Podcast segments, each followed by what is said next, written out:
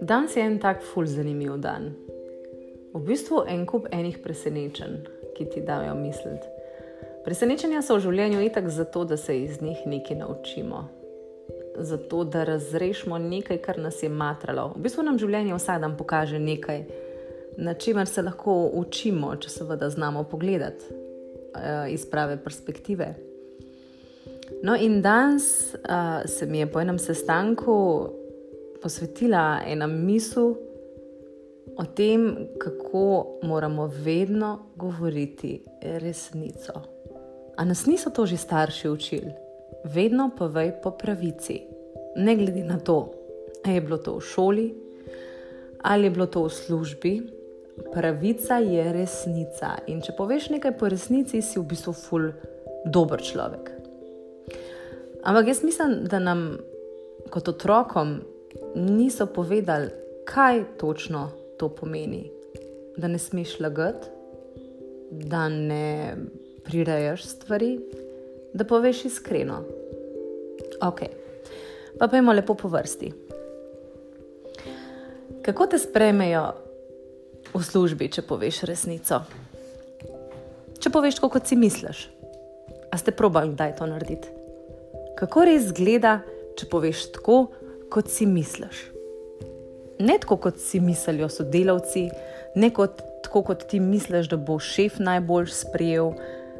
Ali pa recimo, poglej si prijateljstvo. A vedno poveš tisto, kar si misliš svoji prijatelji.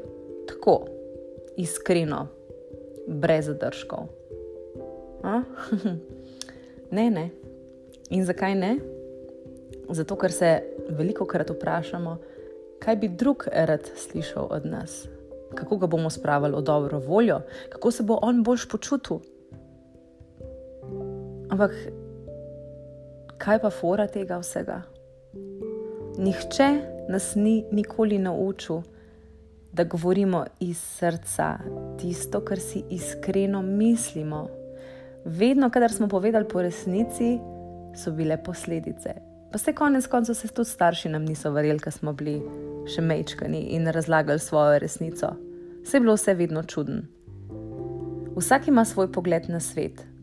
In če ne opišuješ situacije takšne, kot jo razumejo oni, v bistvu te ne razumejo. Vsak ima svojo pravico, vsak ima svojo resnico, ki jo zagovarja in ponovadi tako zelo, po, kot fjakarsko on gleda v svojo smer in verjame v svojo resnico. Ampak kaj sploh je resnica? Za vsakega posameznika je svoja. Ampak danes sem razmišljala, kdo sploh pove tisto, kar si misli, kar je njegova resnica. V bistvu je ful filozofsko vprašanje, sploh ne zelo tako površno. Ker če greš res v osnove, poveš vedno tisto, kar si misliš. Poveš, kakšni so tvoji občutki, poveš svoje mnenje poveš, kaj je tebi prav in kaj ne. In vedno si odprt za ostale možnosti. Ampak mislim, da redko kdo sploh še pove tisto, kar si resnično misli. Zakaj? Ker pridejo posledice. In danes v bistvu sem o tem razmišljala, ker je vedno vse povezano s službo, kako si nihče več ne upa povedati tisto, kar si želi, in tisto, kar bi rad, in tisto, kar, kar, kar zagovarja. V službah je pač treba se prilagoditi. Valjda, če hočeš konec meseca dobiti plačo, moraš prirejati stvari. Ker kaj se zgodi, če enkrat poveš tisto, kar si misliš? Tako iskreno se usedeš dol, pogledaš šefu v oči in rečeš: Poslušaj, jaz mislim, da je to ok, jaz mislim, da bi bilo to treba popraviti, jaz mislim, da bi bilo to treba spremeniti. Koliko nadrejenih bi vas res sprejeli tako, kot si vi želite? Jaz mislil, da, mislim, da redko kdo. In kaj takrat narediš? Zavijaš v celofan, prirediš in dostaviš. In tako vedno izbiraš neko srednjo pot. In tako delaš od praktično otroka, vedno zapakiraš, kot da bo mal staršem všeč, mal tebi všeč in najdeš srednjo pot. Ampak do česa pridemo, ko smo starejši? Ko se en dan usedeš, analiziraš sebe in svoje življenje. In če si res iskren, ampak res prekleto iskren do sebe, ugotoviš, da vse čas prirejaš. da svoje resnice ne sporočaš več tako, kot bi jo moral. V bistvu na koncu koncev sploh več ne veš, kaj tvoja resnica je. Kaj je tisto, kar imaš ti rad? Česa se veseliš? Kaj, kaj res zagovarjaš? In kaj je, so samo neke ideje šefa, skupnosti, ljudi okrog tebe, prijateljev, ki jih zagovarjaš zato, da lažje z njimi funkcioniraš. In na koncu prideš do tega, da sploh več ne veš, kdo si ti in kakšna so tvoje prepričanja in kaj je tisto, kar ti verjameš. In ko ravno omenjam službo, a ni zanimivo, da zaradi svojega lastnega prepričanja lahko mirne volje dobiš, ne vem, te odpustijo, dobiš odpoved, zato ker se samo z nečim ne strinjaš. Potem si misliš, fakt, sam. V bistvu sem jaz res čudna. Pa se potem pogovarjaš z drugimi ljudmi. In v končni fazi ugotoviš, da ne, da vsi podobno razmišljajo, ampak nihče tega ne upa povedati na glas. Zakaj? Ker bodo sankcije. Zdaj pa dati na tehnico, izgubiti službo, ali na drugi strani malo potrpeti, pa prirediti svojo resnico, zato da lahko shendlaš in da lahko pelješ svoje življenje naprej. Sem kakšno pa je pa to tvoje življenje? Mogoče smo pa že nekaj časa nesrečni ali pa nemirni, zato ker sploh ne izražamo svoje resnice, ker jo samo povzamemo po drugih in se z njo strinjamo, ker v življenje nekako lažje prideš čez. Skozi svoje razmišljanje ugotavljam, da nas je precej takih, ki smo pač sledili temu načelu, oziroma tej rutini, se konec koncev smo se tega naučili, pa sploh vedeli nismo, da to počnemo. Veliko krat se srečaš, si na razpotju in um, takrat malo potrpiš, ampak v končni fazi spet na koncu zavijaš v celofan in greš tako naprej. Dejstvo je, da jaz tega ne želim več početi. In dejstvo je tudi to, da sem ravno zaradi tega drugačna od ostalih. Jaz sem tista ta glasna, ki pove in ki se pritožuje, in ki se ne strinja, in ki bi stvari naredila drugače. Pa velikrat se vprašam, ne me narobe razumeti, a sem res jaz ta čudna. Ampak potem, ko res raziščem okolico in vse okoliščine dejansko, kako stojijo, ugotovim, da Ne, sem samo ena redkih, ki si to upa povedati na glas. Zaradi tega sem lahko ob službo. Ampak v končni fazi je to sploh služba za me. Slediti svoji resnici ni lahko. Ampak sem prepričana, da na dolgi rok prenese same lepe stvari in ti prenese točno tisto, kar ti je namenjeno, tisto, po čemer hrepeniš, tisto, kar je tvoje poslanstvo, tvoja ljubezen. Zato, dragi moji, z malimi koraki se delajo velike spremembe. Če bi vsi delali tako, kot si želimo, tako kot nam narekuje naš notranji jaz, notranji glas, ki ima vedno prav, bi spremenjali svet. Tako pa kaj naredimo takrat, ko je treba se potegniti zase? Počepnemo, ker je lažje. Vse veste, kako je bilo to v šoli da imamo skupaj potegnjen za to, da bomo, ne vem, špricali eno uro. Na koncu sta mogoče dve špricali, ostali pa so pač početnali in šli v razred. Mogoče ni najboljši primer, ker je pač neka negativna stvar. Ampak tako gre tudi za kolektivno mnenje. Vsi vemo, da je treba nekaj spremeniti, vsi se ženemo k spremembam.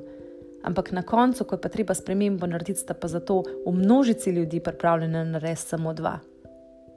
In kaj naredijo s tistima dvema? Odstranijo jih, seveda, kaj pa. Kaj pa, če bi to naredili vsi? Primer, kranski zdravniki so dali odpoved. Kako bi bilo, če bi dva zdravnika dala odpoved? Bi bila pač mirne volje odpuščena. Kako pa je zdaj, ko so dali vsi zdravniki skoraj da odpoved? Sprememba se bo morala zgoditi. In tako bi morali funkcionirati povsod. In verjemite, pravici je zadoščeno na dolgi rok na tak način.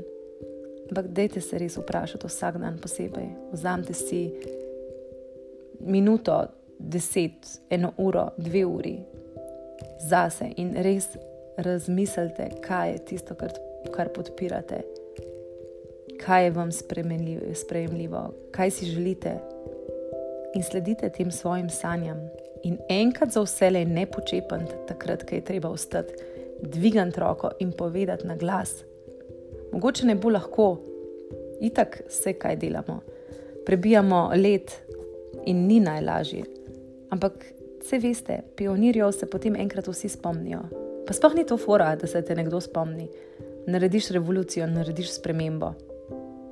Fora je v tem, da na koncu koncev vse čutiš uno zadoščenje in točen veš, da si naredil točno tako, kot si si ti želel. Zato ne se ustavljati, naredi ta korak, dva, tri naprej. Mogoče prvi tri bojo težki, ampak vsi nadaljni bodo prekleto lahki. In jaz že stopam po tej poti. Moram priznati, ni lahko, ampak ko dobiš ta zagon, točno veš, da si nasledi svojim sanjam. In to je nekaj, kar si zaslužijo vsi ljudje, tudi ti, ki me zdaj poslušaš. Nisi nobena izjema, nič manj vreden kot vsi ostali. Samo na glas je treba povedati in stati za svojimi odločitvami. In če bomo tako delali vsi, se bo svet spremenil. Če bomo delali le nekateri, bo pač toliko težje, še nekaj časa. Ampak dejstvo je, da stvari se morajo premakniti na boljš. In to se lahko zgodi samo s tvojo pomočjo. Zato razmišljaj v tej smeri, da vsak dan greš svojim sanjam naproti. Če ti ta služba ne odgovarja več, jo pustiš. Tako simpel. Tudi če je nimaš, ja, kdo bo pa položen se plačal. Ja, ti. Ampak najprej, kot prvo, ne smeš biti len, slediti svojim sanjam, kaj si želiš, najti stvari, ki te veselijo. Biti nesebičen, ne najprej pomisliti, kje boš zaslužil, ampak kje boš uresničil svoje sanje in njim slediti. In temu primerno pridejo tudi nagrade. Najslabše, kar lahko narediš, je, da ustrajaš v situaciji, ki ti ne ustreza, ki te utesnjuje, ki ti prinaša razočaranje, jezo in še marsikaj drugega. To moš prekiniti in začeti z nečim, kar ti res čutiš, in verjeti v to, da ti čez čas dejansko ne lahko, ampak bo uspel. In ne se obremenjevati z drugimi. Vsak je svoj unikat ko bi le to razumel. In to je treba naučiti že naše otroke. Izkoriščati svoj potencial in hoditi po poti svojega poslanstva. Edin na tak način se bo v tem življenju kaj spremenil in na tak način bo te ljudje živeli svoje sanje. Tako da si želim, da bo še kdo šel po tej moji poti. Jaz šele dobro začenjam, ampak verjemite, občutki so nepopisni in je vredno samo prosim, ne čepet, vstan, dvigen roko, povej na glas in bori se za svoje sanje. thank you